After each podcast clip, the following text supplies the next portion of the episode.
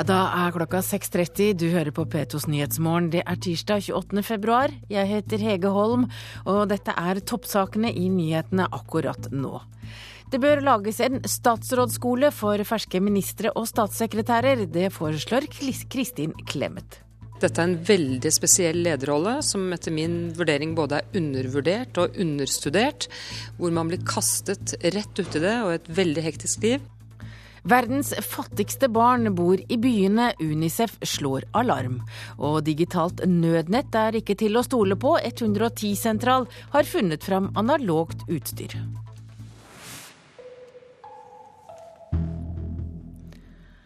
Selvforsvarskurset for jenter skulle brukes til å verve medlemmer til SVs ungdomsorganisasjon SU. Det viser både handlingsplan og andre interne dokumenter Klassekampen har fått tilgang til. Statssekretær i Barne- og likestillingsdepartementet Kirsti Bergstø var leder i Sosialistisk Ungdom da handlingsplanen ble vedtatt.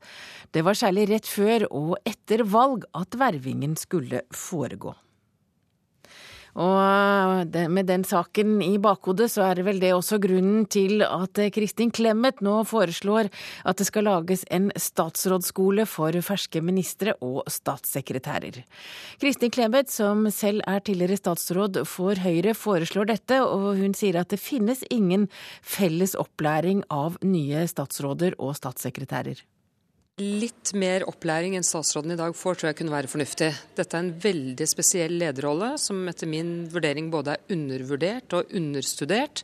Hvor man blir kastet rett uti det og et veldig hektisk liv. Og øh, kanskje uten å ha noen spesiell ledererfaring på forhånd tillegg til Skjøtt-Pedersen er det seks andre nye statsråder. SVs Audun Lysbakken blir barne- og likestillingsminister. Politikk, og Ola Borten Moe ble altså Norges nye olje- og energi... Med bedre opplæring kunne mange feiltrinn vært unngått, mener Kristin Clemet. Hun foreslår å innføre en statsrådsskole. En dag eller to på skolebenken for å lære av erfarne embetsfolk og mer drevne statsråder. Ja, Det vil jo være bl.a. å lære seg relasjonene til forvaltningen, hva som er god forvaltningsskikk og for god forvaltningspraksis. I dag ble det klart at statsråden trosset råd fra eget embetsverk. Jeg har... Uh beklaget håndteringen av saken overfor Stortinget? Det er jo veldig mange dyktige politikere, men jeg tror vi kan si at i enhver regjering også er statsråder som er eh, svake ledere internt. Og eh, hvordan blir man det? Jo, det blir man hvis man sender ut, uh, har dårlige relasjoner til embetsverket, hvis uh, signalene fra politisk ledelse spriker. Clemet mener nye og uerfarne statsråder bl.a. bør skoleres i å håndtere relasjonen til forvaltningen, Stortinget og de andre departementene. Og sier dette er spesielt viktig for partier som aldri før har hatt regjeringsmakt. Det er klart altså Når et helt parti aldri har hatt befatning med regjeringsapparatet, så, så gjelder det selvfølgelig enda mer, og det har vi vel egentlig hørt også SV si fra sin første periode. De hadde forberedt seg godt, men likevel var det mange overraskelser. Jo, men nå er SV et drevent regjeringsparti. SV er ikke lenger en fersking i regjeringen, sier avtroppende SV-leder Kristin Halvorsen. Hun mener ingen nye SV-statsråder har lidd under for dårlig opplæring, ei heller Audun Lysbakken. Vi har statssekretærer og statsråder med lang politisk erfaring, og det er alltid sånn at det må være en veksling mellom uh, nye og gamle, og de får god uh, opplæring. Det er ikke det dette dreier seg om. I dag er det opp til hvert enkelt departement å sørge for at nye statsråder får god opplæring. Det finnes ingen felles opplegg for alle statsråder, og det er heller ikke ønskelig, sier partisekretær i Arbeiderpartiet Martin Kolberg. Jeg syns at et statsrådsskole, det reagerer jeg egentlig veldig negativt på. For politikk det er ikke noe som kan læres. Politikk er noe du har i deg. Politikk er ideologi. Og det er det som skal styre en statsråd, og ikke alle de andre reglene. Det får vi håndtere ordentlig. Og jeg tror at alle statsråder egentlig vet dette veldig godt. Slik at eh, jeg tror ikke at problemet befinner seg der, og det løser i hvert fall ingenting i forhold til den aktuelle problemstillingen som hun vel formodentlig uh, sikter til. Heller ikke Fremskrittspartiet, med null regjeringserfaring, er begeistret for Clemets forslag. Stortingspolitikeren Anders Anundsen sier at Frp gjerne vil i posisjon, men tror ikke en egen statsrådsskole har noe for seg. Det som er viktig er jo at eh, de som er statsråder har den nødvendige kompetansen for å være statsråder. Og Et annet element er jo at det er viktig at statsråder som oppnevnes er seg selv og bruker den kompetansen og de kvalitetene de har individuelt. Og det å ha en statsrådsskole som på en måte skal forme inn statsrådene, det kan ikke jeg si jeg ser noen stor hensikt i. Nei, men der er nå iallfall eh, forslag lagt på bordet, og reporter her var Nina Bull Jørgensen. Britisk politi fjernet i natt demonstrantene som har ligget i telt utenfor St. Paul's Cathedral i London siden oktober, og de protesterer mot verdenskapitalismen. Demonstrantene, som tilhører protestbevegelsen Occupy London Stock Exchange, gjorde knapt nok motstand da teltene ble fjernet. En britisk domstol avgjorde i forrige uke at teltleiren måtte vekk av sikkerhets- og hygienemessige årsaker, samt for å gjøre det enklere for besøkende å komme fram til katedralen. Ja, Da har vi kommet fram til dagens ferske aviser, og som vi allerede har hørt, Klassekampen skriver at SVs ungdomsorganisasjon ville bruke selvforsvarskurs til å verve nye medlemmer. Om ti år vil det være 10% flere 90-åringer enn i dag. Da må eldre trå til å hjelpe hverandre, skriver Dagsavisen som har besøkt Paulus sykehjem i Oslo, der frivillige eldre hjelper til. Pasienter med spesielle hjelpebehov struper økonomien i små kommuner, skriver Bergens Tidende. Løsningen kan bli å innføre eiendomsskatt.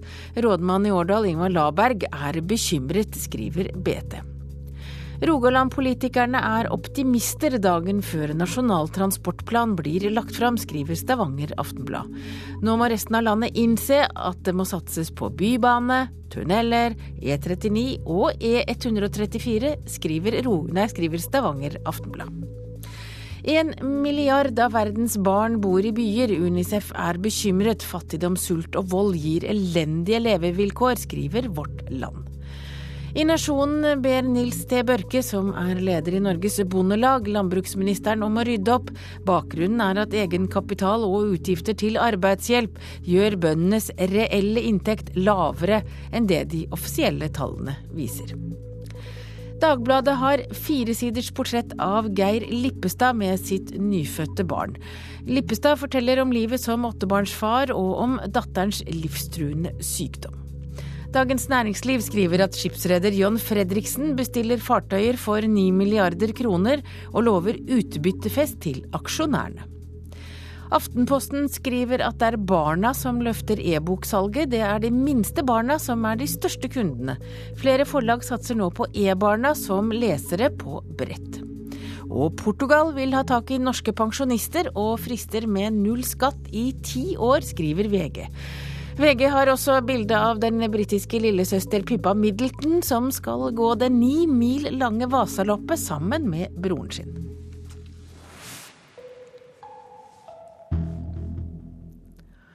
«110-sentralen på Romerike i Akershus stoler ikke lenger på at det nye digitale nødnettet vil fungere i en krisesituasjon. Under stormen Dagmar falt tolv basestasjoner ut på Romerike, og derfor har de funnet fram til det analoge sambandet. Bare flaks at sambandssvikten i romjula ikke fikk alvorlige konsekvenser, mener brannsjefen. Opprydding etter Dagmars herjinger på Romerike i romjula. I stormen er titusenvis av trær blåst over ende, og mange hundre hus har fått skader. Men brannvesenets 110-sentral på Romerike sliter med å få kontakt med sine folk. Det var jo i løpet av de hektiske timene eh, som sto på som verst, så opplevde jo eh, Romerike 110-sentral at eh, det ble problemer med kommunikasjon mot noen av brannvesenene i dette området. Og Bakgrunnen for det var jo at noen av antennene, basestasjonene som er spredd rundt eh, i området, da gikk ut av drift. I strømbruddet som fulgte stormen, sluttet tolv av nødnettets basestasjoner på Romerike å virke. Og det er bare flaks at dette ikke fikk alvorlige følger, mener sjefen for Nedre Romerike brann- og redningsvesen, Jan Gaute Bjerke. Hell i uhell eh, og på en måte tilfeldigheter som gjorde at det tross alt gikk bra og ikke oppstå veldig alvorlige situasjoner. Romerike 110-sentral. Ved 110-sentralen i Lørenskog og ved flere brannstasjoner i distriktet er det gamle, analoge sambandsutstyret hentet fram fra kjelleren. Hendelsen i romjula viste at det nye digitale nettet til milliarder av kroner ikke er til å stole på, og nå krever brannsjefen forbedringer. Punkt 1 må jo være at uh, basestasjonene uh, kan opprettholde sin drift gjennom uh, nødvendig nødstrømsforsyning. Det er det viktigste punktet. Problemet er at de aller fleste av de store nødnettantennene er utstyrt med nødstrømsbatterier som bare varer i fire eller åtte timer dersom strømmen går. Brannsjefen mener dette ikke er tilstrekkelig i et værhardt land som Norge. Også i direktoratet har de lært noe nytt etter Dagmars besøk. Den eh, strømtilførselen som vi altså har her, den har vist seg nå i eh, sterk vind at eh, vi får problemer med den, og vi ser på det nå. Direktør Tor Helge Lyngstøl ved Direktoratet for nødkommunikasjon sier at alle gamle og nye basestasjoner i hvert fall skal oppgraderes til minst åtte timers nødstrømskapasitet. Når vi har gjort denne oppgraderingen, så, så, vil ikke brukerne merke strømutfall som ligger under åtte timer. I den grad strømutfallet varer lenger enn det, så, eh, så vil altså basestasjonene slutte å virke pga. at de ikke har nok strøm. Skal vi komme videre med det, så må vi inn med dieselaggregater, eventuelt brenselceller. Og det er det vi ser på nå. Men å få dette til vil kreve nye store ekstrabevilgninger til nødnettet reservestrøm for én en eneste basestasjon, det kan fort koste en 400 500 000 kroner. Og eh, hvis vi da skal gjøre dette her på 1000 steder, så er, snakker vi om 400 millioner kroner. Og det er ikke budsjettert med eh, midler til reservestrøm i et sånt omfang. Jeg gjentar trafikkulykke. Øvre Rælingsvei. Tilbake til mannskapene som lever av å redde liv og eiendom. Brannsjefen mener det er helt uakseptabelt at de kan bli sittende med et samband som ikke tåler uvær. Nei, det er ikke noe god følelse. Eh, når jeg da vet at kommunikasjonen i nødnettet i en gitt situasjon ikke er god nok, så får jeg ikke vi gjort den jobben eh, som blir forventa. Da skal vi til Unicef, for de fattigste barna i verden bor ikke i de fattigste landene, men i de største byene. Det kommer fram i en rapport om situasjonen for verdens barn, som Unicef gir ut i dag. Og selv om byene har et større tilbud om skoler og sosiale tjenester, så får ikke de fattigste barna nyte godt av disse tjenestene. Og generalsekretær Bernt Apeland i Unicef, eh, hvor ille er det? Det vi først og fremst ser, er jo at andelen av fattige barn som bor i byene, øker. Eh, vi ser fremveksten av en urban eh, underklasse.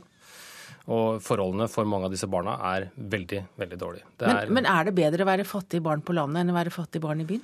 Ja, Vi har jo trodd at det har vært bedre å være fattig i byen, men det det viser seg, er at de, Og det er det fortsatt, men hvis du ser på de fattigste av de fattige, og den, eh, den delen øker, så er det verre å være fattig i byen enn det er på landsbygda.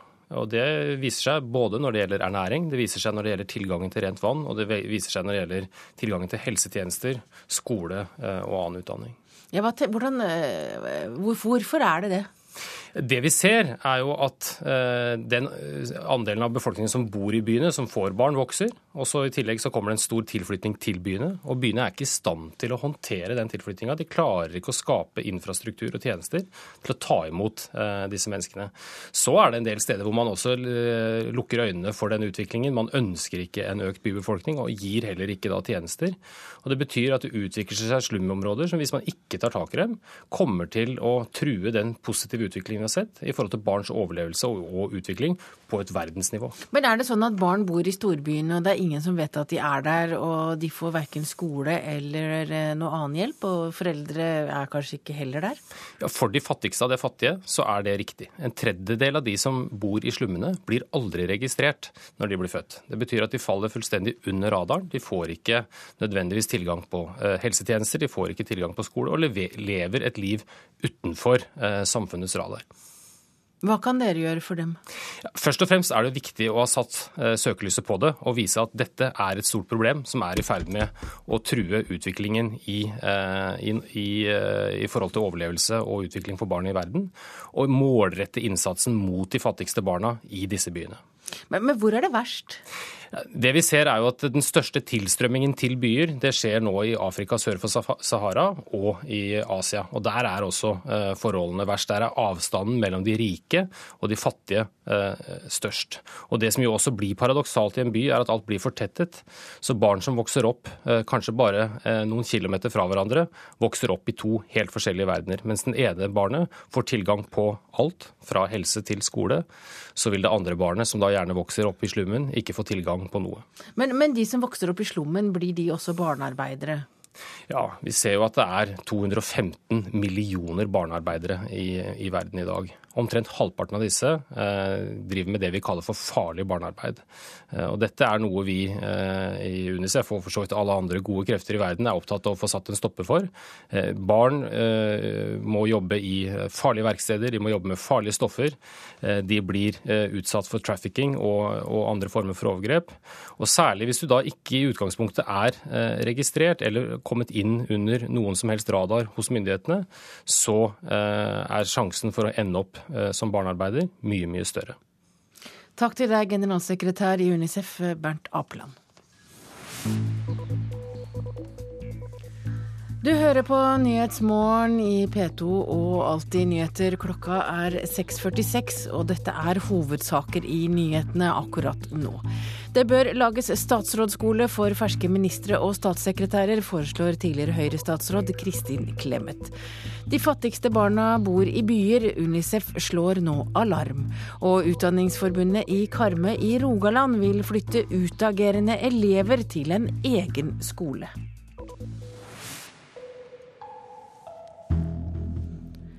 Svake sportslige resultater gjør at Ståle Solbakkens jobb som trener for Köln i Bundesligaen henger i en tynn tråd. Landslagssjef Egil Olsen har selv vært i samme situasjon, og, tror Solbakken kan klare å snu den dårlige trenden, men det er ikke enkelt. Nei, det, altså, hvis de vinner kamper, så går det veldig greit, det. Så, men eh, det er tøft. Han kjenner seg igjen i Köln-trener Ståle Solbakkens situasjon. I 1999 ble Egil Olsen trener for Wimbledon i Premier League. Under ett år senere endte det med sparken. Nå risikerer Solbakken samme skjebne.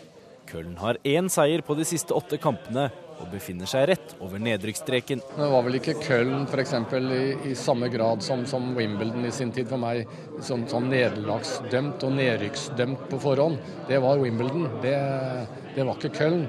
Så han har nok ikke så veldig mye å gå på i så måte.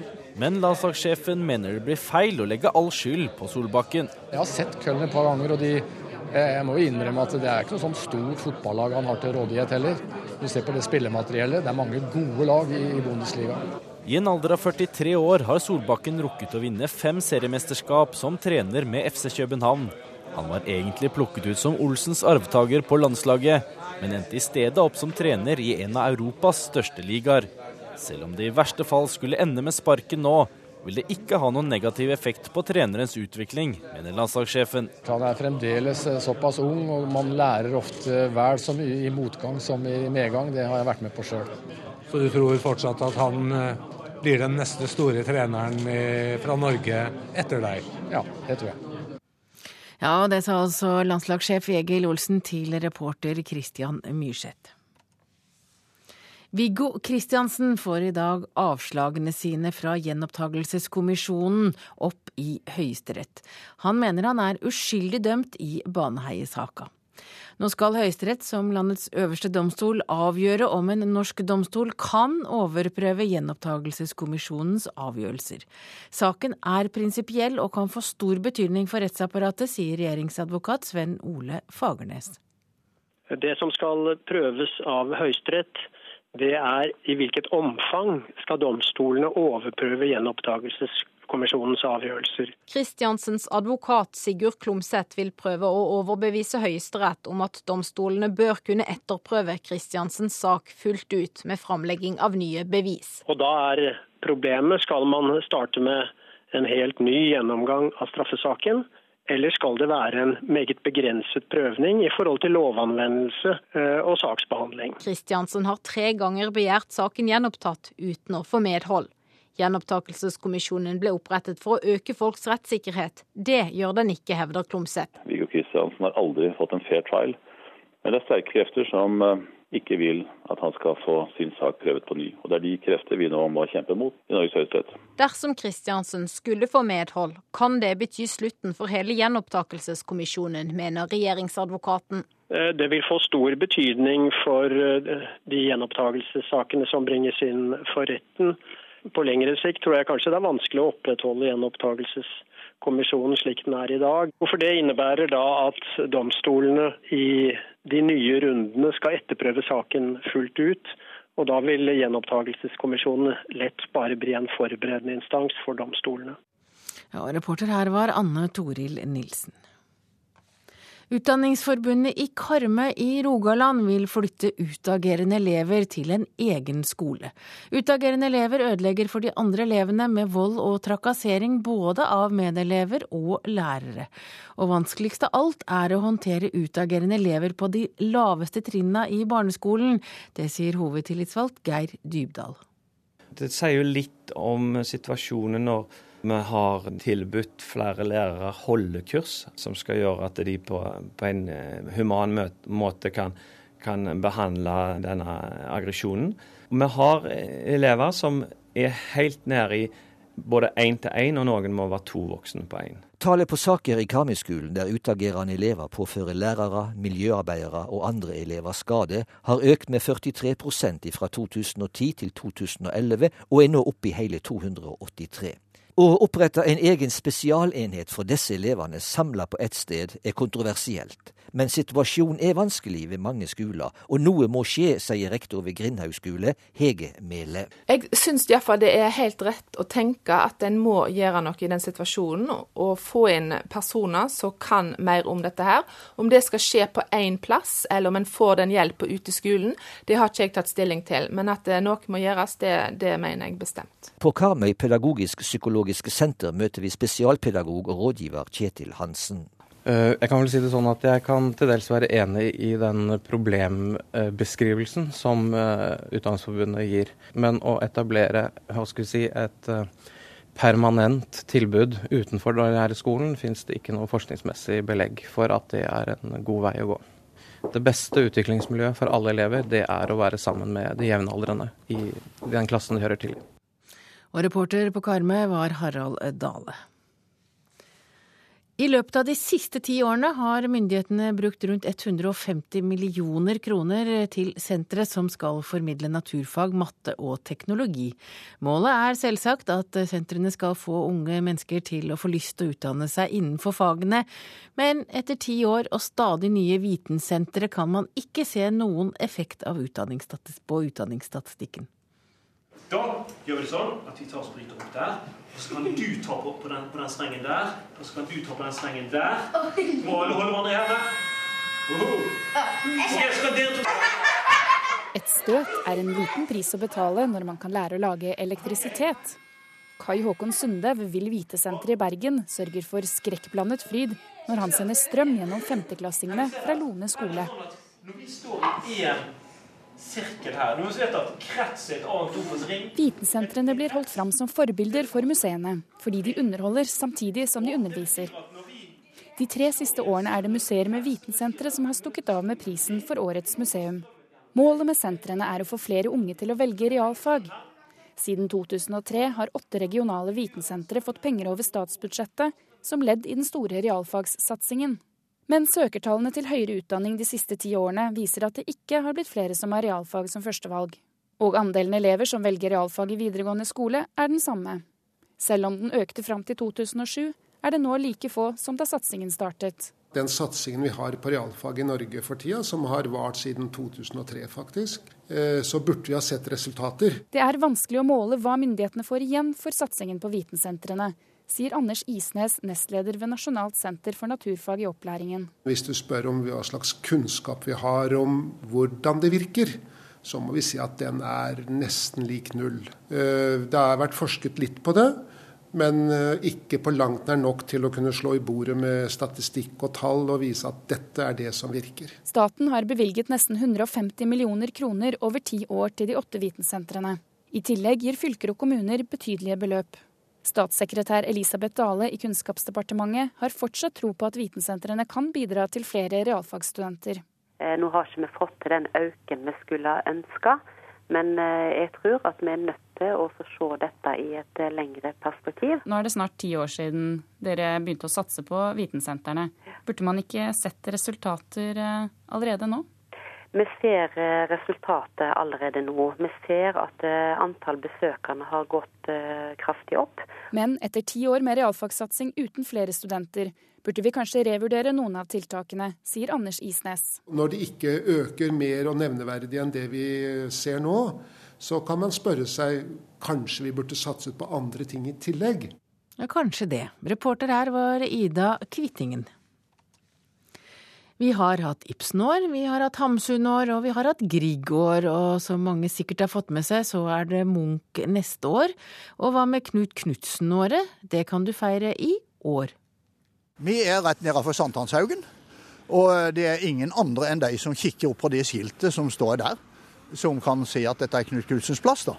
Før, eh, for noen få år siden, så var det jo rett og slett en drosjeholdeplass her. Språkprofessor Arne Torp viser vei i Knud Knudsens fotspor i Oslo. 6.1 var det 200 år siden skolereformatoren og språkreformatoren, også kalt bokmålets far, ble født i Holt ved Tvedestrand. Bursdagen ble flott feira lokalt, men ellers har ikke Knut Knutsen-jubileet fått så altfor mye oppmerksomhet. Han er en av de store nasjonsbyggene på 1800-tallet, vil jeg si. Ved sida av Ivar Aasen så er det helt klart at det er Knut Knutsen som rager høyest innenfor eh, når det gjelder det språklige. Det er det jo. Knut Knutsen arbeider som overlærer på Katedralskolen i over 30 år. Der hadde de en liten minnemarkering for et par uker siden. Så er nok De som var på foredraget ditt, de vil nok kjenne han, men ja. de andre det. Han var jo en pen mann. Ja visst. Asbjørn Nilsen har vært bibliotekar på skolen siden 1973, og viser veien ned bratte trapper til bokhvelvet. Men dette her er Knut Knutsens stoff, alt sammen. Mm -hmm. Mm -hmm. Og det er ting som er blitt liggende igjen etter han. Ja. Men andre ting enn det, det, det har vi ikke. Det er jo ei forferdelig murstein. Unorsk og norsk, eller fremmedords avløsning. Det var ikke så mange fremmedord han klarte å avløse med den der boka. Nei, det var ikke det. Appetitt, lyst, matlyst, mathug. Ja, det er jo greit nok, men så kommer det mange andre alternativer òg, da. Ja. både, både riksmålsfolk og bokmålstilhengere gjør krav på Knut Knutsen som en åndelig far. ja. Eh, men Åsen Aasen er jo selvfølgelig nynorskens eh, far. Det er jo klart. Og han skapte jo nynorsken, landsmålet. Ja, så kan vi jo da konstatere at Knutsens prosjekt eh, har seira med ca. 90 eh, men Aasens prosjekt er ikke vekke, de heller. Så begge prosjektene eksisterer fremdeles. Ja da, vi har ikke, vi har ikke sett slutten på vi, vi har ikke sett slutten på den norske språkstriden. Og det sa en entusiastisk Arne Torp til reporter Miriam Grov. Da har vi kommet fram til et værvarsel som gjelder til midnatt. Fjellet i Sør-Norge vestlig sterk kuling, mest vind sør for Finse. I formiddag minkende, i kveld liten kuling. Regn vest for vannskillet, snø i høyfjellet, ellers opphold. Østlandet og Øst-Agder og Telemark sørvestlig liten kuling på kysten. Lokale tåkeskyer, ellers pent vær. Vest-Agder vestlig stiv kuling på kysten, fra i ettermiddag opp i liten kuling. Rogaland regn, snø i høyfjellet fra i formiddag, nordvest liten kuling på kysten. Hordaland fra i formiddag frisk bris på kysten, regn, snø i høyfjellet fra i ettermiddag, lettere vær. Sogn og Fjordane sørvest liten kuling, ved Stad stiv kuling. Sent i kveld sterk kuling, regn, snø i høyden. Møre og Romsdal sørvest stiv kuling på kysten, fra i formiddag liten kuling, regn og snø i fjellet. Trøndelag fra i formiddag liten kuling. Helgeland, Saltfjellet, Salten, Ofoten og Lofoten. Vestlig til dels sterk kuling, fra i ettermiddag liten kuling. Mest vind nord for Saltfjellet. Regnbyger og snø i fjellet. Vesterålen vestlig liten storm, i formiddag minking til stiv kuling. Sludd. Troms i formiddag dreining til vestlig liten storm på kysten. I ettermiddag minking til stiv kuling, sludd og snø. Kyst- og fjordstrøkene i Finnmark. Sørlig liten storm utsatte steder. Opphold i ettermiddag dreining til vestlig liten storm på kysten. Utpå kvelden minking til stiv kuling og sluddbyger. Finnmarksvidda, der ventes det sørlig stiv kuling utsatte steder og pent vær. Og så er det kyst- og fjordstrøkene i Øst-Finnmark. Sørlig sterk kuling utsatte steder. I nordlige kyststrøk kortvarig full storm og litt snø. Nordensjøland på Spitsbergen østlig liten storm utsatte steder. I ettermiddag minkende til stiv kuling og litt snø. Og Det var altså et værvarsel fram til midnatt, og det er da varslet veldig varmt og godt mange steder i landet i dag.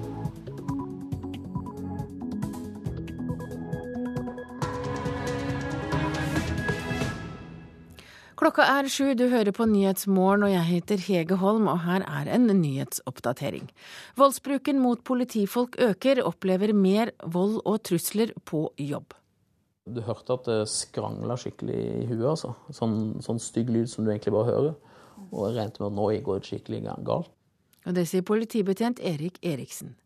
Det bør lages en statsrådsskole for ferske ministre og statssekretærer. Det foreslår Kristin Clemet. Litt mer opplæring enn statsråden i dag får, tror jeg kunne være fornuftig. Dette er en veldig spesiell lederrolle, som etter min vurdering både er undervurdert og understudert. Hvor man blir kastet rett uti det og et veldig hektisk liv. Og eh, kanskje uten å ha noe spesiell ledererfaring på forhånd. Drivstoffprisene har steget med nesten 50% de tre siste årene. Digitalt nødnett er ikke til å stole på. 110-sentral har nå funnet fram analogt utstyr. Det ble eh, problemer med kommunikasjon mot noen av brannvesenene i dette området. Britisk politi fjernet i natt demonstrantene som i over fire måneder har ligget i telt utenfor St. Paul's Cathedral i London. Ja, og så er det til politiet, da, som opplever stadig mer vold og trusler på jobben. Tallet på anmeldte tilfeller økte voldsomt fra 2010 til 2011. Og Erik Eriksen jobbet som ordenspoliti i Oslo i flere år, og én episode glemmer han aldri. Du hørte at det skrangla skikkelig i huet, altså. Sånn, sånn stygg lyd som du egentlig bare hører. Og jeg regnet med at nå går det skikkelig galt. Han glemmer ikke lyden av et hardt slag mot tinninga. Erik Eriksen var på jobb og skulle pågripe en full mann som hadde laga bråk. Mannen var rolig og alt var under kontroll, men så Han skalla altså til meg og traff meg her i tinninga. Det gikk heldigvis bra, men det kunne gått så mye verre, sånn som jeg oppfatter det. Og det skremte meg virkelig.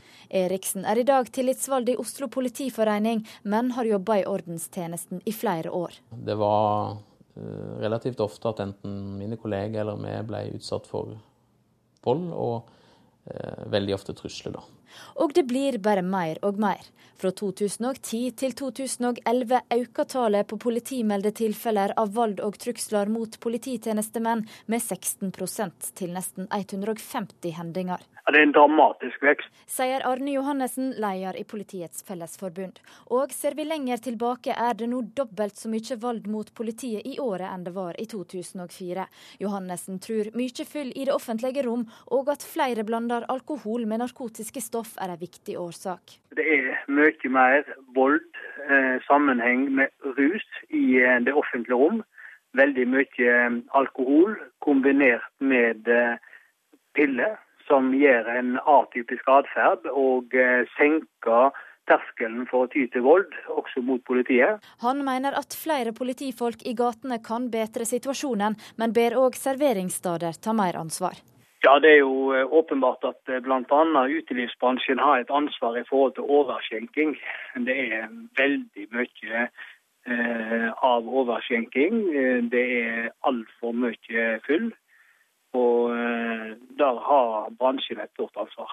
Den største frykten jeg har, er at et, et politi som alltid forbereder seg på å bli utsatt for vold, de vil nødvendigvis få større avstand til publikum. Og det er en, det er en negativ utvikling.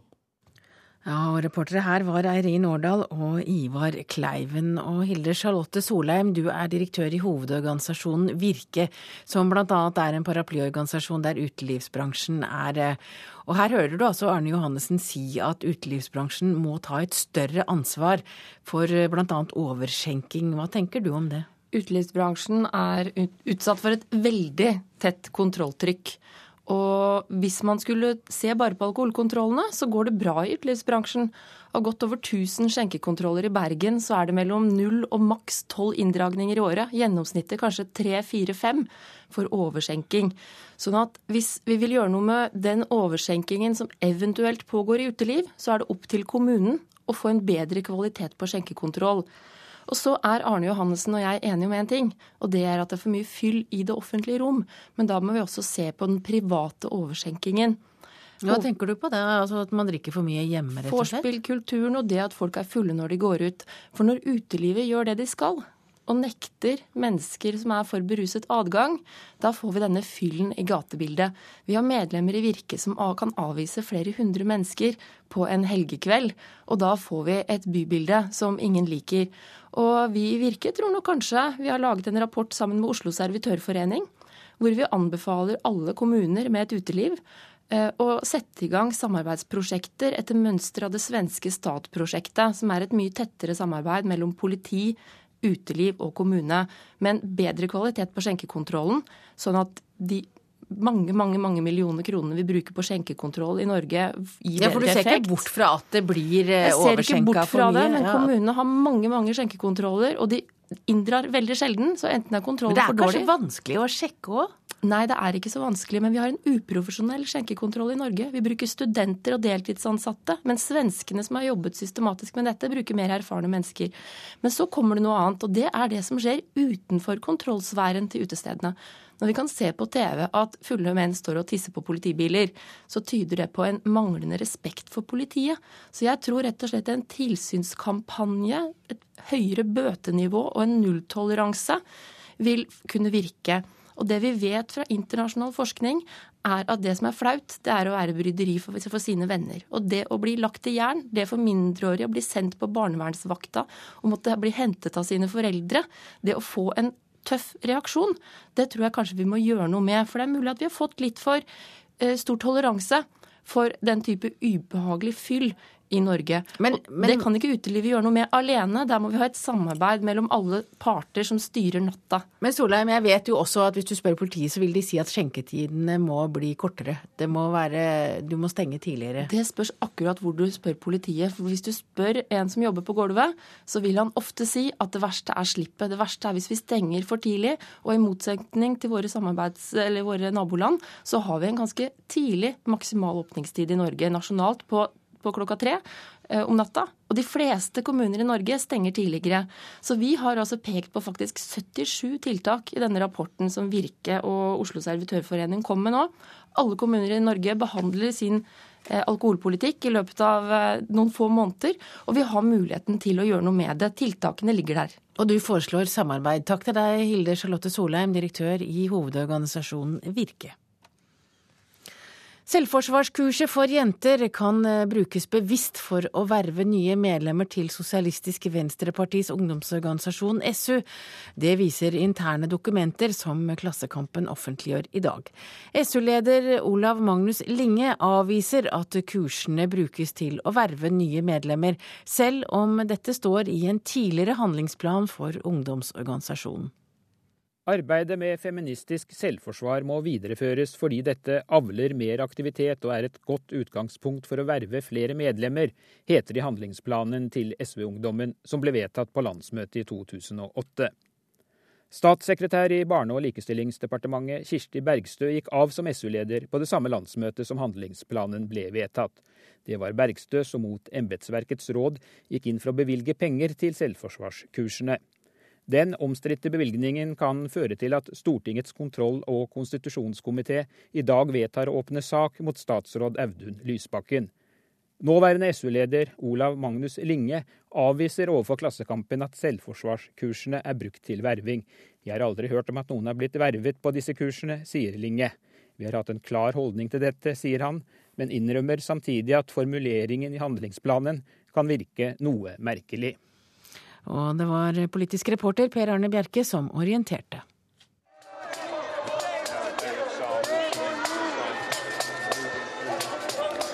Ja, her hører vi altså demonstranter som roper mot britisk politi, mens politiet rydder vekk en teltleir i hjertet av Londons finansdistrikt.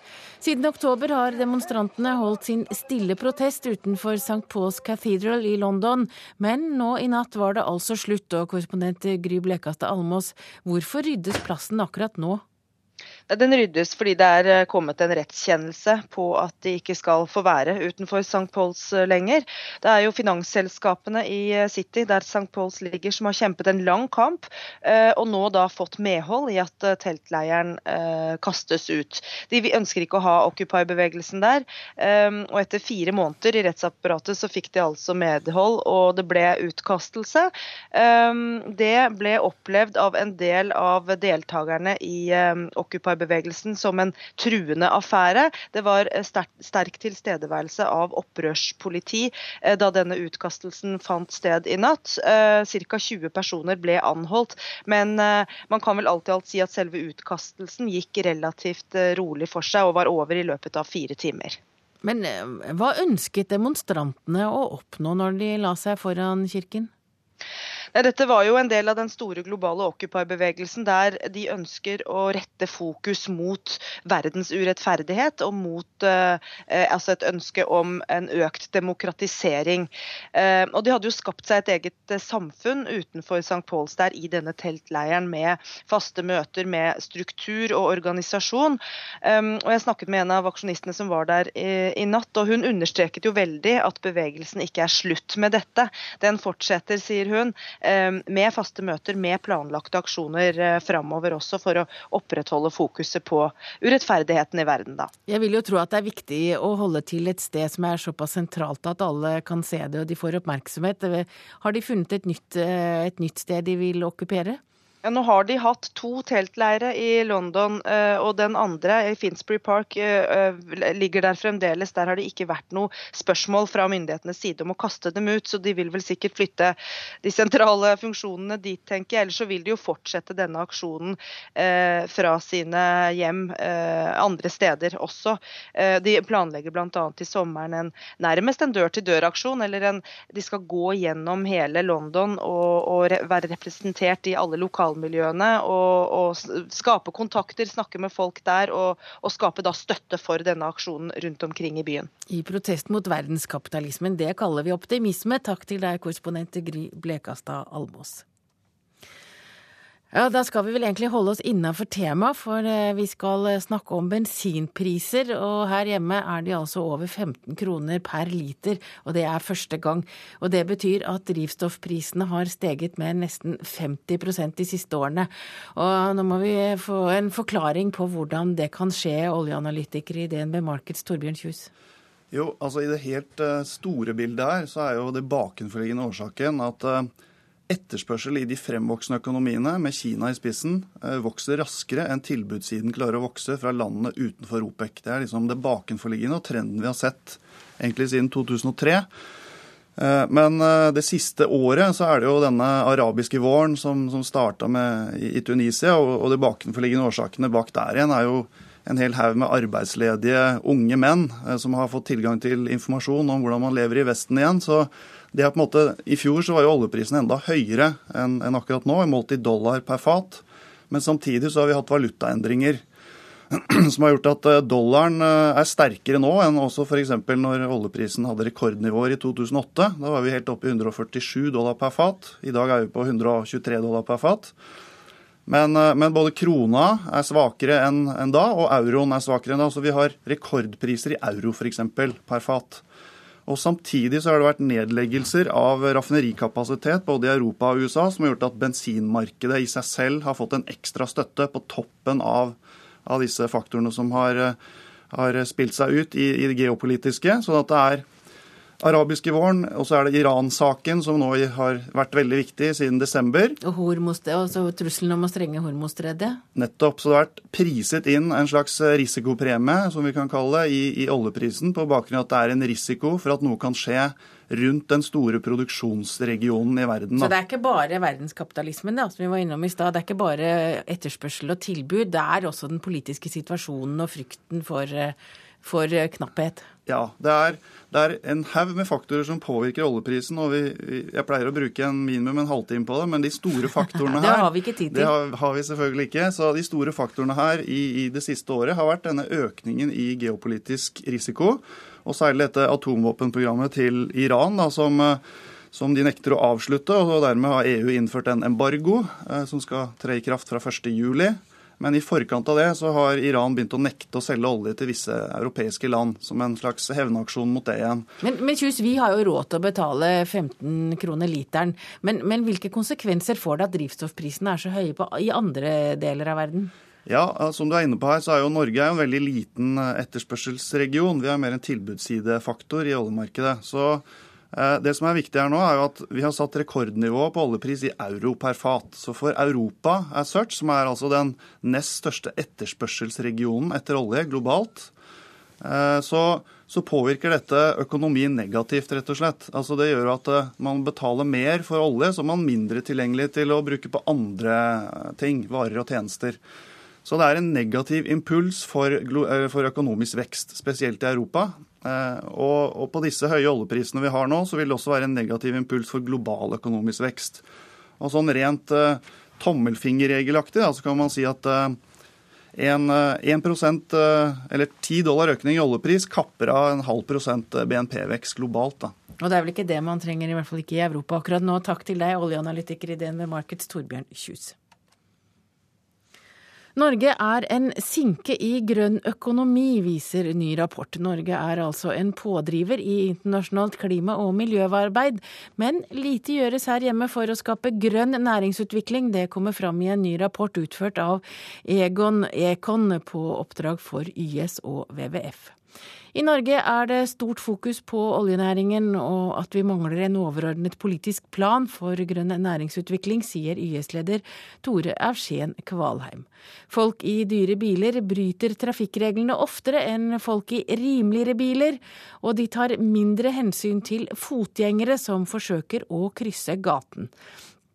Det viser forskning utført, fra, utført, av psykologer ved Berkeley i USA og Universitetet i Toronto i Canada. Psykologene klarte å påvise at rike bryter loven oftere, stjeler mer godteri fra barn og lyver oftere for å få økonomiske fordeler. Klokka er 16 eh, minutter over sju. Du hører på Nyhetsmorgen i NRK P2. Dette er hovedsaker akkurat nå. Det bør lages statsrådsskole for ferske ministre og statssekretærer, foreslår tidligere Høyre-statsråd Kristin Clemet. Selvforsvarskurset for jenter kan brukes bevisst for å verve nye medlemmer til Sosialistisk Venstrepartis ungdomsorganisasjon SU, viser interne dokumenter. Og voldsbruken mot politifolk øker, opplever mer og mer vold og trusler på jobb.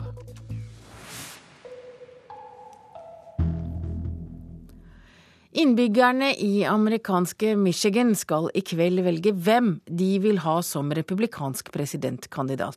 Rick Santorum ligger jevnt med favoritten Mitt Romney.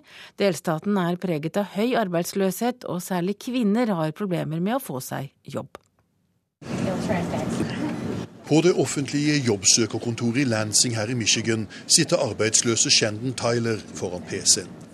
47-åringen jobbet som servitør på en veikro, men spisestedet gikk konkurs og hun mistet jobben. Hun sliter med å få seg nytt arbeid. Yngre arbeidssøkere er mer attraktive.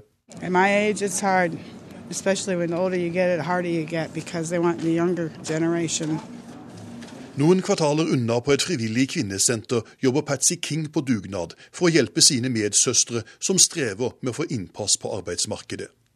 De låner bl.a. ut passende antrekk for å ha på seg under jobbintervju. Interview, attire because women who have been out of work don't really have enough money to go um, get a new outfit. I give you the next president of the United States of America, Senator Rick Santorum. Den republikanske presidentkandidaten Rick Santorum er på fremmarsj i Michigan. Han ligger jevnt med favoritten Mitt Romney i denne delstaten der Romney er født og oppvokst, og faren hans var guvernør. En seier her for Rick Santorum kan gjøre ham til det republikanske førstevalget. It could be a game changing day. Michigan always wants to try to move up. You have a chance to be the inflection point in this race. Don't miss the opportunity to stand up. På kvinnesenteret her i Lansing er det ikke hvem som vinner som opptar dem, men hva den som vinner kan få gjort for å gi dem jobb og en lysere fremtid, ifølge frivillige Patsy King. Um, honestly, I have not heard much discussion uh, on the particular candidates. It's really more the issues uh, of what we need to rebuild our society. Før jul falt arbeidsløsheten her i Michigan for første gang på tre år under 10% Fortsatt har denne delstaten flere arbeidsløse enn landsgjennomsnittet i USA. På det offentlige jobbsøkerkontoret forteller informasjonssjefen Andra Kerbutski at det er mange gjengangere å se. Um, that come in here day after day and they're really looking for that job. But I'd have to say it's a wide range of people that are either newly unemployed or have been unemployed for an extensive period of time. En av dem er altså Shandon Tyler, med 30 års fartstid som servitør. Nå sliter den arbeidsløse 47-åringen med å få endene til å møtes. You can't make your bills. You can't do nothing. You know, I'm used to having a healthy bank account, and now I can't rub two nickels together sometimes. I kveld er det republikansk presidentkandidatvalg her i Michigan. Arbeidsløse Shandon Tyler er mest opptatt av om hun finner ny jobb i morgen. Jon Gelius, Lansing i Michigan. Og så skal vi til Midtøsten, for utenriksminister Jonas Gahr Støre innleder i dag en reise til Midtøsten. Han skal treffe palestinernes president Mahmoud Abbas og Israels statsminister Benjamin Netanyahu. Og Midtøsten-korrespondent Sigurd Falkenberg Mikkelsen, eh, hva er det han skal snakke med de to herrene om? I første omgang, rent formelt, så er dette en reise for å forberede et eh, møte i Brussel eh, på giverlandsgruppen til palestinerne, som jo Norge leder. Og det skal dreie seg om, da, om hvordan palestinerne kan fortsette å bygge sine institusjoner, eh, og hvordan de skal få inn penger fra utenlandske givere, som jo har kommet med mange løfter, men som ikke alltid følger opp disse løftene. Og Det er klart det er viktig for palestinerne å fortsatt holde fart i økonomien. Den går ganske godt, eh, men de sliter noe mer enn før. Bl.a. pga. at eh, giverne ikke stiller opp eh, slik de har lovet. Men I tillegg så skal det jo også selvfølgelig handle om det større politiske bildet og den politiske situasjonen her i området. Støre er akkurat nå i Amman, hvor han skal møte Abbas, og kommer senere hit til Jerusalem, hvor han skal møte statsminister Benjamin Netanyahu og Israels utenriksminister Liebermann. Hva tror du han vil si når han kommer til Israel? Ja, altså, eh, Det er ikke noen hemmelighet at eh, Norge har hatt et eh, litt anspent forhold til den sittende israelske regjeringen. Men det er, det er klart at noen av de viktige temaene her blir bosettingsspørsmålet. Støre skal også innom, innom dette. Og det er jo da en fastlåst situasjon i forholdet mellom israelere og palestinere. Og for palestinernes del så er det bosettingsspørsmål som overskygger Eh, alt annet. Eh, det var samtaler i Jordan eh, for en tid tilbake som ikke ble noe av. Og Samtidig så vedtok Netanyahu-regjeringen senest i forrige uke den hittil største utbyggingsplanen under denne regjeringen for en bosetting som da er ulovlig i henhold til internasjonal lov. Men tror du Støres besøk kan få noen konsekvenser? Tror du det han sier vil få noe å si? Nei, det er, nok, det er jo en del av internasjonale, uh, den internasjonale deltakelsen å spille rundt denne konflikten. Men israelerne har uh, kjørt denne politikken i lang tid, uavhengig av internasjonal uh, kritikk. Men det er klart at det er en viktig del av hvordan, hvordan, samfunnet her fungerer, og hvordan, særlig for palestinerne, hvordan de skal klare å holde fart i økonomien. Det er det aller, aller viktigste nå. Eh, men det kommer klart det kommer mye signaler fra palestinsk side eh, som er knyttet til denne frustrasjonen over manglene på framgang. og Senest, eh, senest nå så, så, kom det lekkasjer om at de vurderer å bryte det diplomatiske og sikkerhetssamarbeidet med israelerne. Litt uklart hvor mye som ligger i den type trusler, og speiler vel heller at palestinerne ikke har så veldig mange, mye handlingsrom for tiden. Takk til deg, Midtøsten-korrespondent Sigurd Falkenberg Mikkelsen. Da har vi kommet fram til eh, de ferske avisene i dag. Det er altså Klassekampen som har saken om at SVs ungdomsorganisasjon ville bruke selvforsvarskurs til å verve nye medlemmer. Om ti år vil det være 10% flere 90-åringer enn i dag, og da må eldre trå til for å hjelpe hverandre, skriver Dagsavisen. Avisen har besøkt Paulus sykehjem i Oslo, der frivillige eldre stiller opp. Pasienter med spesielle hjelpebehov struper økonomien i små kommuner, skriver Bergens Tidende. Løsningen for flere kommuner kan bli å innføre eiendomsskatt. Rådmann i Årdal, Ingvar Laberg, er svært bekymret i Bergens Tidende. Rogaland-politikerne er optimister dagen før Nasjonal transportplan blir lagt fram, skriver Stavanger Aftenblad. Nå må resten av landet innse at det skal satses på bybane, tunneler, E39 og E134, skriver avisen. En milliard av verdens barn bor i byer. Unicef er bekymret. Fattigdom, sult, vold gir elendige levevilkår, skriver Vårt Land. I Nasjonen ber Nils T. Bjørke, som er leder i Norges Bondelag, landbruksministeren om å rydde opp. Bakgrunnen er at egenkapital og utgifter til arbeidshjelp gjør bøndenes reelle inntekter lavere enn det de offisielle tallene viser. Dagbladet har firesiders portrett av Anders Behring Breiviks forsvarer Geir Lippestad. Lippestad har akkurat fått et nytt barn, og han forteller om livet som åttebarnsfar og om datterens livstruende sykdom. Dagens Næringsliv skriver at skipsreder John Fredriksen bestiller fartøyer for 9 milliarder og lover utbyttefest til aksjonærene. Aftenposten skriver at det er barna som løfter e-boksalget. Det er de minste barna som er de største kundene, og flere forlag satser nå på e-barna som lesere på brett.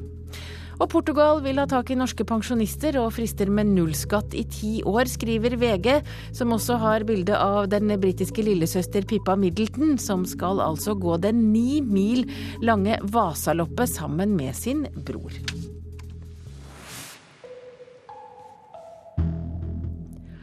I fjor handlet vi varer for 25 milliarder kroner i Sverige, men det er ikke bare flesk, sprit og tobakk som fyller handlekurvene. Svært mange tar med seg kilovis av svenske godis. Det er flere som handler godteri enn alkohol og tobakk. Godisbutikkene er blitt big business og bidrar til at vi blir stadig feitere. Jo, her har vi kjøpt noen nye kåler. Fruktkål er veldig populært. Mjuke karameller, eller De gamle syns om dem. Vi selger veldig mye av disse her posene. Helt ubegripelig og med tanke på at vi har vi er en matvarebutikk og har her nede i senteret to godisbutikker. Og enda selger vi de mengdene vi gjør. Det er ganske ufattbart, faktisk. På få år har Charlottenberg fått seks godisbutikker, alle eid av Orvelin Group. Rundt 100 ansatte arbeider med å fylle opp varer og betjene godissugne nordmenn. Nær 4000 kvadratmeter med søtt, surt, syrlig og salt i alle fasonger og farger. Det er masse godteri her. Det er fint, det.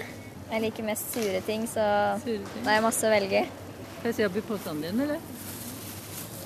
Oi, da var det mye sånn grønt og rosa og Jeg er veldig glad i rosa ting. Er det sunt det her, tror du? Nei. Det er ikke det. Jeg pleier ikke å spise så mye godteri, egentlig. I fjor økte grensehandelen med 10% En rapport fra Region Värmland viser at når vi er i Sverige, så handler 90% av oss mat. Deretter kommer godis med over 60% før alkohol og tobakk. Trenings- og idrettsfysiolog Iben Krogsæter i Kongsvinger må innrømme at han også er innom og forsyner seg. Det er et hav av godis, og det, det, slår jo bare imot det. Og alle lukter og alle fristelser. og Kanskje du òg har allerede vært på matbutikker og klesbutikker og, og polet og, og handla litt og er begynt å bli litt småsulten, og så tar du godteributikken på slutten, og så putter du oppi alt som er. Man kjøper nok mye mer når man først er i en butikk som bare selger eh, godis. Eh, det har jo selvfølgelig med at eh, en del kvantum er mye større. Altså man kjøper kilovis istedenfor i små pakker. Er det lørdagsgodis eller hverdagsgodis? Det blir vel litt tenning i uka, men prøve å unngå. Men det er ikke så lett. Det blir vel som regel hverdagsgodis når en handler i så store mengder. Ja. Som regel. Jeg tror nok det bidrar en del til at eh, mange får i seg mer for, for oss som bor nær grensa. Hva er det største problemet med godis i forhold til kroppen? Det inneholder mye energi. Eh, som oftest veldig mye sukker, spesielt hvis du går på gelégodterier og sånn. Eh, gir det veldig store blodsukkersvingninger. Eh, det går veldig fort opp, og så går det veldig fort ned igjen. Det Tilfører ingenting av vitaminer og mineraler. Så det er bare tomme kalorier, som vi sier. Altså, da får du i deg veldig mye energi uten å få i deg noe ekstra næring som kroppen trenger. Og det er ugunstig spesielt i forhold til overvekt og fedme. Men òg selvfølgelig i forhold til type 2-diabetes, hjerte- og karsykdom og alle disse livsstilssykdommer som hoper seg opp. Du er jo ikke i Sverige så ofte, så det er jo greit å kjøpe litt når du først er der. Og reporter her var Vera Wold. Etter Dagsnytt skal vi til Argentina. Jeg heter Hege Holm, produsenten heter Ingvild Ryssdal. Hør ekko. Hvis du vil kjøpe en økologisk ost, må du lete. Kanskje i fem-seks butikker før du finner den ene typen som selges i Norge. I Sverige derimot renner selv hyllene på billigkjedene over av økologiske produkter. Hvorfor er det sånn? Ekko 9 11 i NRK P2.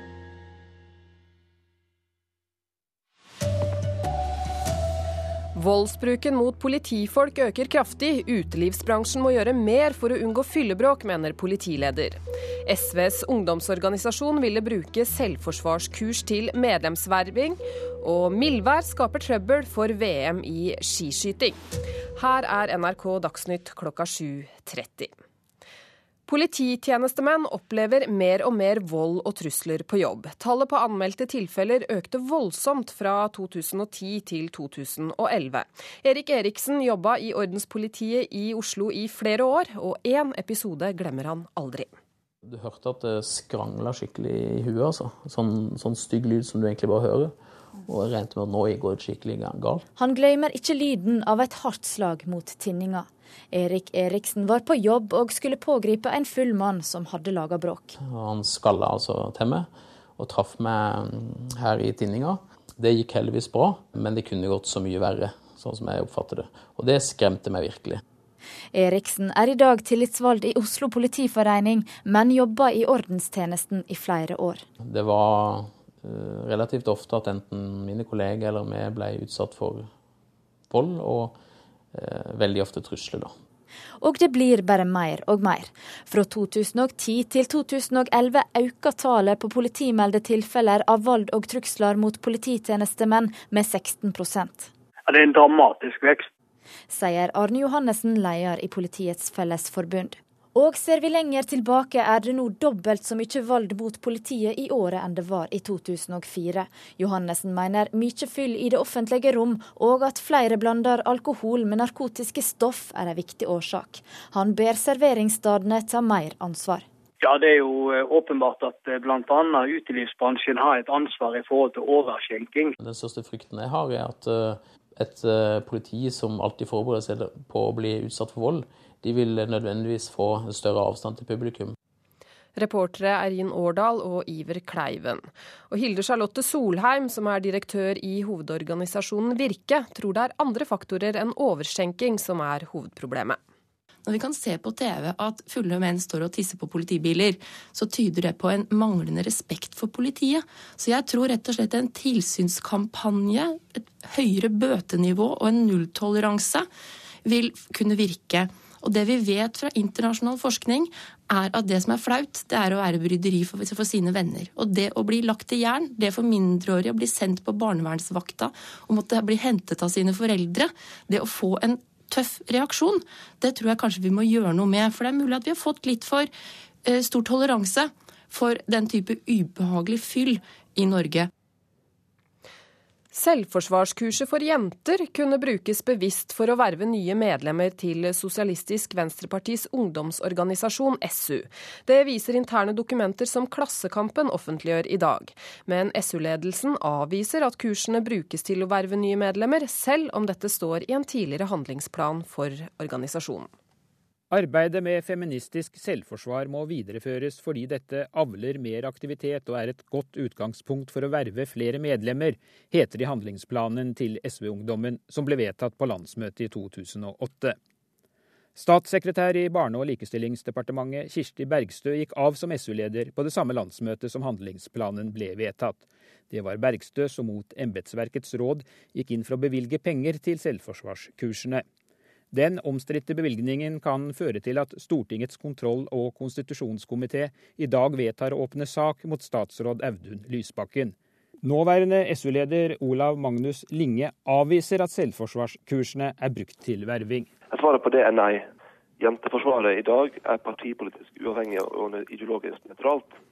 SU i 2008 mottok ikke offentlig støtte for kurs. Likevel hadde vi en klar ikke-verve-policy på kursene. Men hvorfor står dette da i handlingsplanen?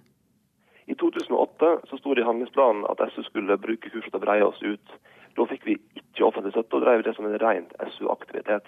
Likevel så har vi holdt fast ved å ha en ikke-verve-policy på kursene, eh, men tvert om holde fokus på å være ideologisk nøytrale. Reporter er Per Arne Bjerke. Det bør lages en statsrådsskole for ferske ministre og statssekretærer. Det mener Kristin Clemet, som selv er tidligere statsråd for Høyre. I dag finnes det ingen slik felles opplæring av nye statsråder. Dette er en veldig spesiell lederrolle, som etter min vurdering både er undervurdert og understudert. Hvor man blir kastet rett uti det, kanskje uten å ha noe spesiell ledererfaring på forhånd. SVs Audun Lysbakken blir barne- og likestillingsminister. altså Norges nye olje- og energiminister. Med bedre opplæring kunne mange feiltrinn vært unngått, mener Kristin Clemet. Hun foreslår å innføre en statsrådsskole. En dag eller to på skolebenken for å lære av erfarne embetsfolk og mer drevne statsråder. Blant annet å lære seg relasjonene til forvaltningen, hva som er god forvaltningsskikk og for god forvaltningspraksis. Jeg har eh, beklaget håndteringen av saken overfor Stortinget. Clemet sier at skoleringen av uerfarne statsråder er spesielt viktig for partier som aldri før har hatt regjeringsmakt. Det er klart altså Når et helt parti aldri har hatt befatning med regjeringsapparatet, så, så gjelder det selvfølgelig enda mer, og det har vi vel egentlig hørt også SV si. Jo, men nå er SV et drevent regjeringsparti. SV er ikke lenger en fersking i regjeringen, sier avtroppende SV-leder Kristin Halvorsen. Hun mener ingen nye SV-statsråder har lidd under for dårlig opplæring. Ei heller Audun Lysbakken. Og det er alltid sånn at det må være en veksling mellom uh, nye og gamle, og de får god uh, opplæring. Det er ikke det dette dreier seg om. Det fins ingen felles opplegg for alle statsråder, og det er heller ikke ønskelig, sier Martin Kolberg. Jeg syns at et statsrådsskole, det reagerer jeg egentlig veldig negativt på. For politikk, det er ikke noe som kan læres. Sa til slutt Arbeiderpartiets Martin Kolberg, reporter Nina Bull Jørgensen.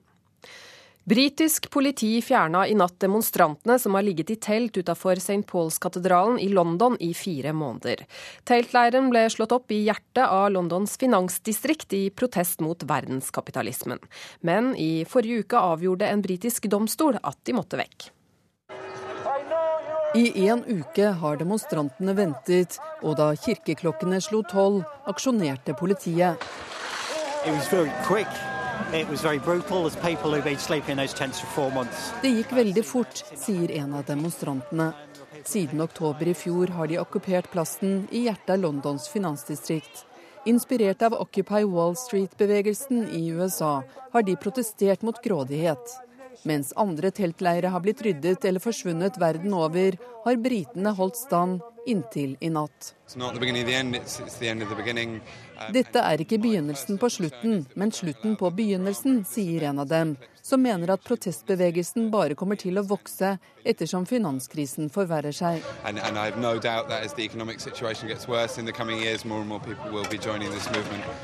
Noen av demonstrantene avfyrte røykbomber i et forsøk på å hindre politiet, men de fleste ropte bare slagord uten å gjøre motstand. Men demonstrantene sier de ikke vil gi seg med dette.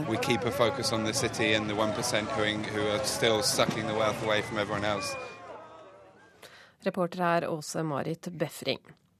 Rike mennesker bryter oftere loven, stjeler mer godteri fra barn og lyver oftere for å få økonomiske fordeler, viser ny forskning. Psykologer ved universitetene i Berkeley i USA og Toronto i Canada står bak forskninga, der målet var å se om velstående mennesker oppfører seg annerledes enn andre. Psykologene fant også ut at folk i dyre biler oftere bryter trafikkreglene, og de tar også mindre hensyn til fotgjengere som prøver å krysse gata. Sport. Temperaturer opp mot 13 eh, varmegrader er venta på skiskytter-VMs første konkurransedag. En kjempeutfordring for de norske smørerne, fastslår veteranen Ole Einar Bjørndalen. Ski kan være helt avgjørende her. Vi snakker ikke om ti sekunder, vi kan snakke om opp mot minutter så på ski her. Så hvis vi ja, driter oss ut der, så har vi lagt egget. Den krame snøen i Ropolding er venta å bli enda kramere. Torsdag er første konkurransedag. Yr.no melder opp mot 13 varmegrader. Ja, jeg tror vi ligger bra an, men det får vi se på torsdag. Men... Sier smøresjef Thomas Søderberg. Utfordringa er å finne rett struktur under skia, mønstre som best mulig drenerer vekk vannet. Litt som på et bildekk.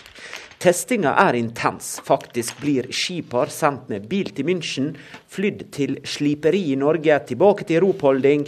Alt for å få best mulig glid i VM. Ja, vi må være fleksible, så det blir nok eh, mye kjøring att og fram til München for å levere ski til sliptrø. Så det forandres det fort. Det sa Ole Einar Bjørndalen. Reporter var Ole Rolfsrud. Ansvarlig for eh, Dagsnytt denne morgenen er Gro Arneberg. Teknisk ansvarlig Frode Thorshaug. Her i studio Kari Bekken Larsen.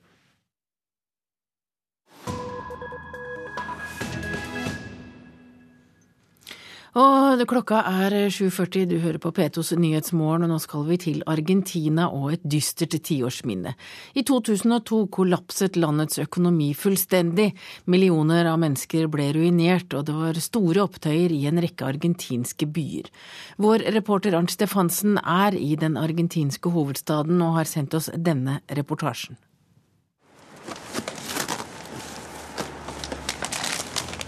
Tre menn står bøyd over hver sin søppelsekk og jobber så svetten siler.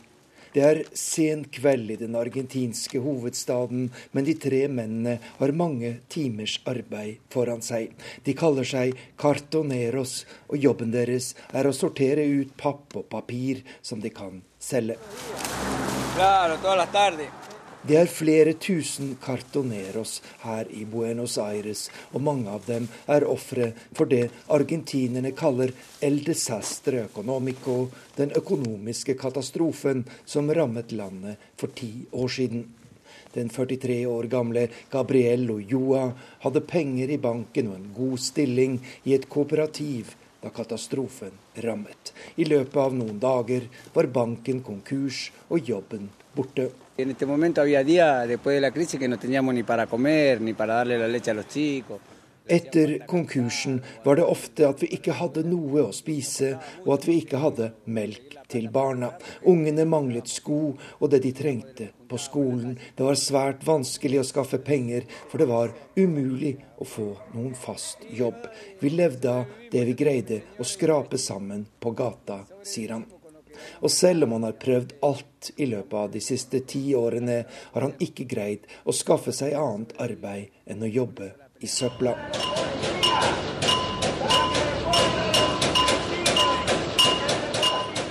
Buenos Aires for ti år siden. Rasende mennesker har samlet seg utenfor en bank og krever å få ut sparepengene sine. Men banksystemet er falt sammen, og staten er ute av stand til å betale gjelda si. Voldsomme opptøyer og storstilt plyndring herjer Buenos Aires og andre argentinske byer. I løpet av bare én dag blir 30 mennesker drept. Store deler av middelklassen ble ruinert over natta. Og fortsatt er det mange som betaler prisen for det som skjedde den gang.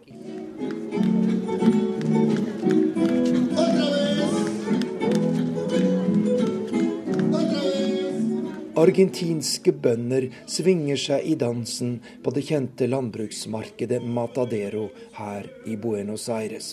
Og de har grunn til å slå seg løs. For det er først og fremst eksporten av fremragende jordbruksvarer, kjøtt, korn, vin og soya, som har reddet landet ut av krisa. Da staten gikk konkurs, nektet regjeringen å innfri sine lån, og verdien av valutaen peso falt som en stein, noe som ga enorme økonomiske fordeler for de argentinske eksportørene. El campo es el que levanta Det er landsbygda som bærer nasjonen når den er i krise, sier matvareeksportøren Andres Cáceres. Ti år etter katastrofen er Argentina kommet godt på fote igjen, men prisen har vært høy. Og ingen føler seg trygge på fremtiden i et land som har opplevd ti dype kriser i løpet av et halvt hundre år.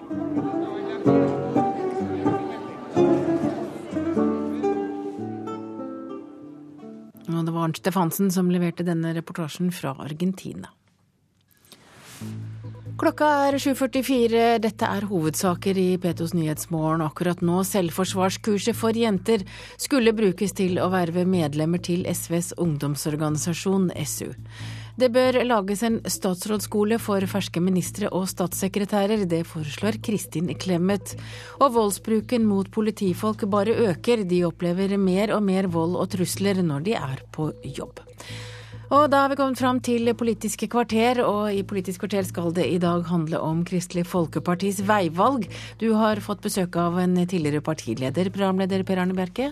Ikke sikkert at KrF får størst gjennomslag for sitt verdisyn ved å samarbeide til Høyre, sier Dagfinn Høybråten. Strid i fagbevegelsen om vikardirektivet. LO tar feil, mener akademikerne.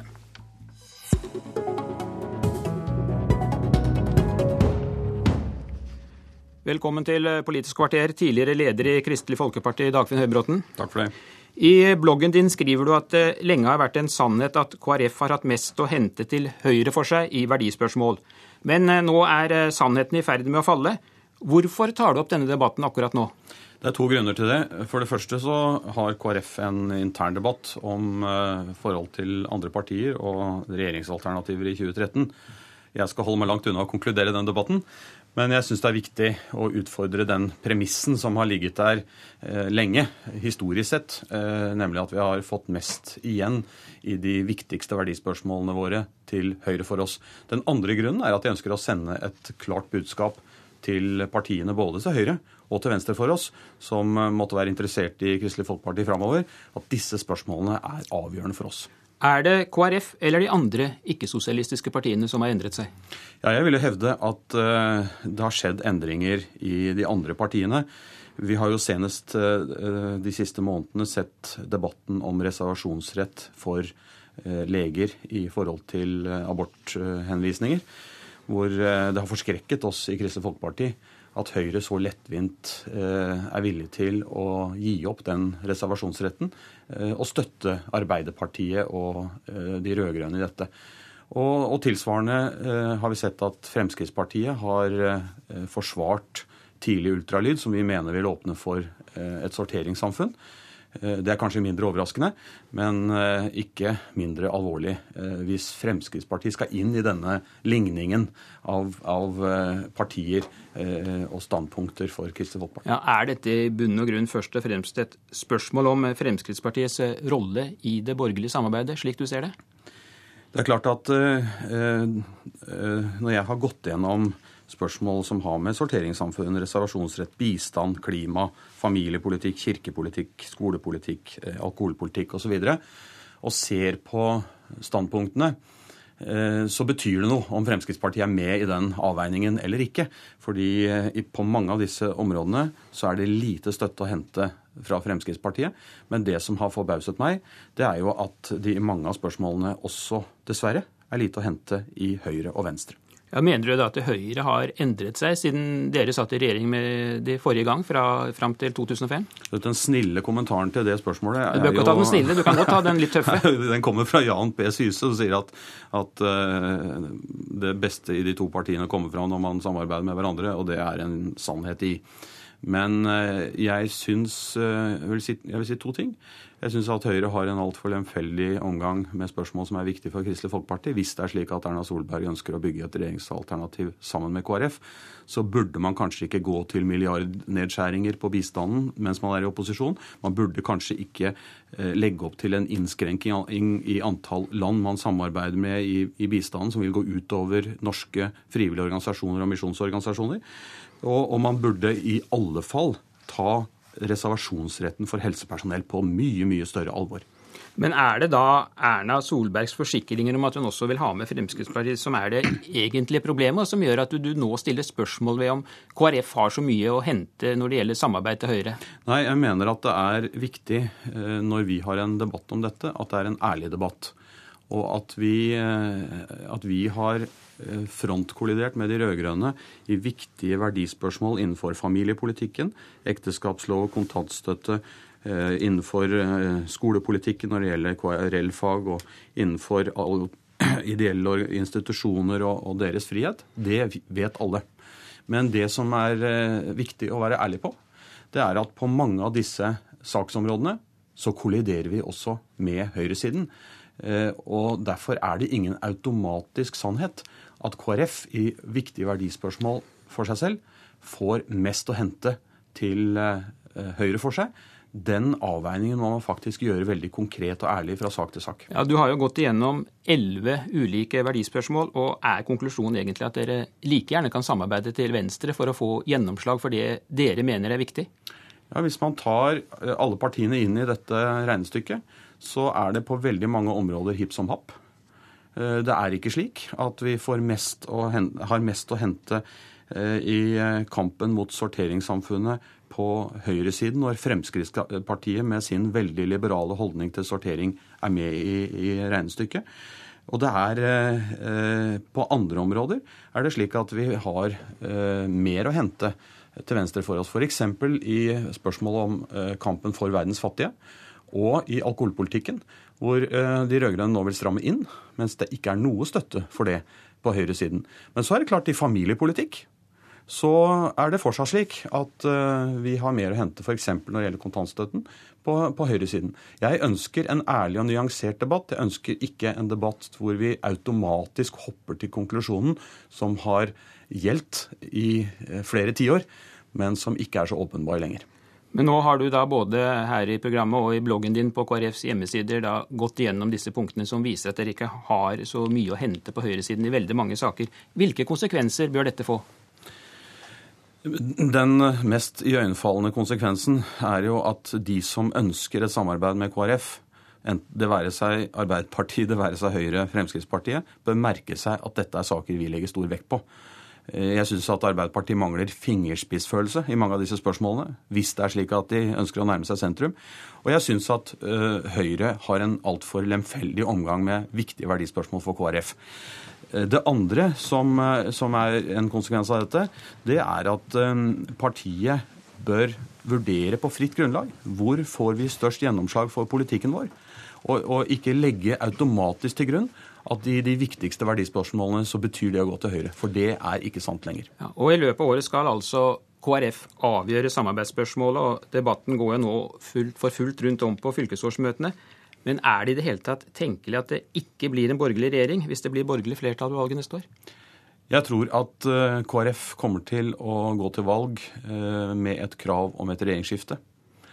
Men en regjering som KrF skal ta del i, må jo føre en eh, politikk som er nærmere KrF enn dagens politikk.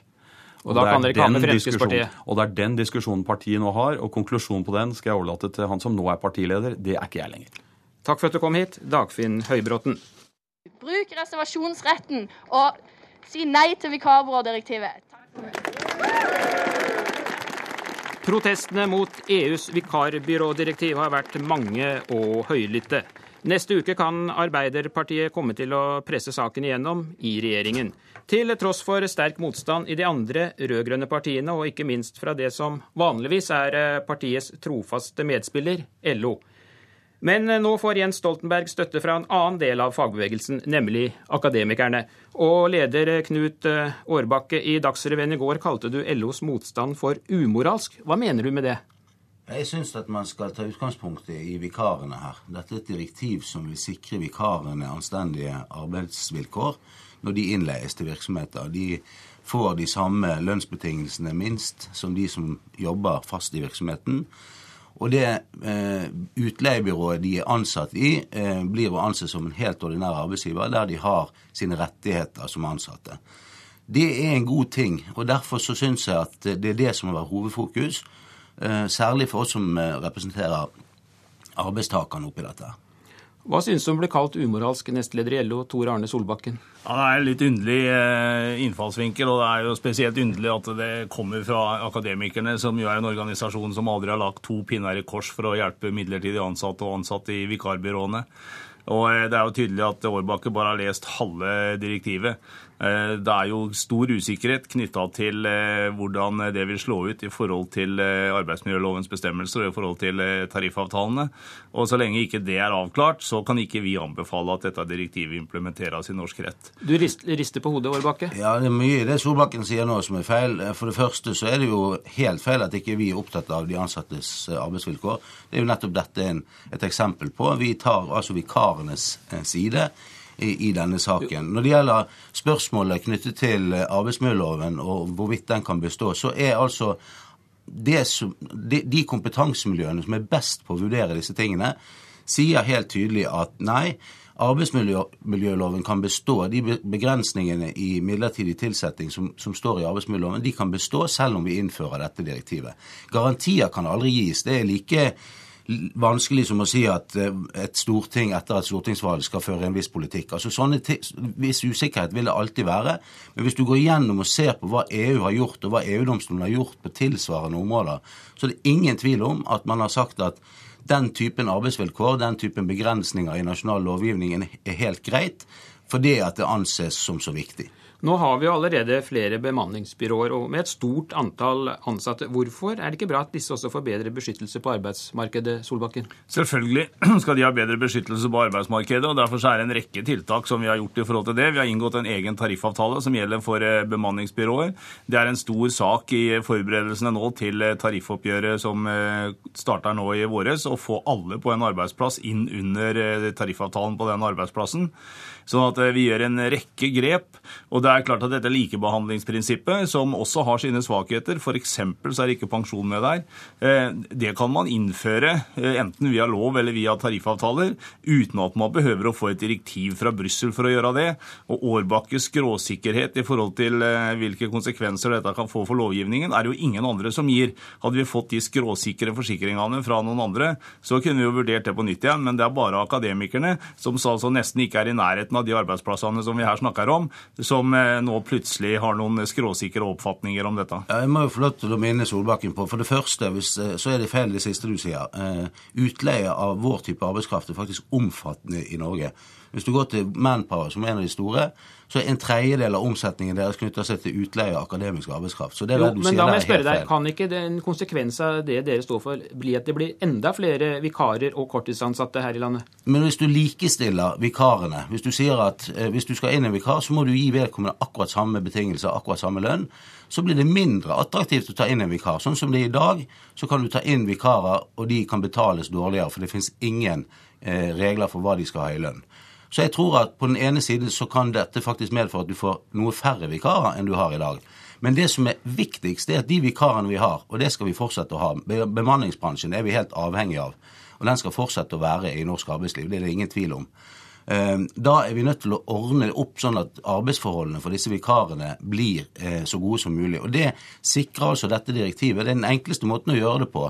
Eh, alt annet eh, avhenger av at man får gjennomslag i diverse forhandlinger, og det avhenger også selvfølgelig av den nasjonale lovgivningen, som også kan endres ved et nytt mm, stortingsflertall. Men Solbakken har ikke Årbakke et poeng her i at det faktisk blir bedre for de mange tusen, tusenvis av vikarene som i dag har dårlige kontrakter?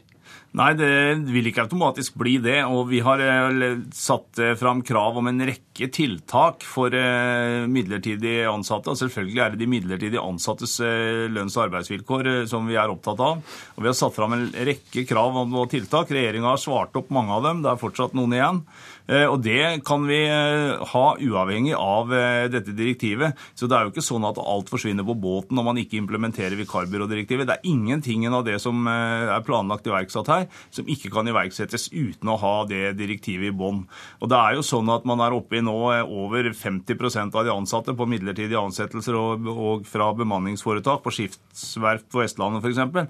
Og det er klart at vi skal ikke ha det sånn. Hovedregelen skal fortsatt være fast ansatte. Og de fleste av de som i dag jobber i vikarbyrå, vil også kunne få fast ansettelse. Det skal vi fortsette å jobbe for. Antagelig er mulighetene for å tilsette midlertidig for romslige i den regelverket og lovverket vi har i dag. og Det må gjøres innstramminger der òg. Det holder vi på å utrede her. Så det er masse som kan gjøres for at eh, vikarene skal eh, få eh, bedre lønns- og arbeidsvilkår. Ikke minst at de får lønn mellom oppdrag. Og så er det da, som jeg sa, den svakheten med direktivet at den tar ikke opp pensjon. Og for offentlige arbeidsgivere er det fortsatt der den store differansen ligger pensjon.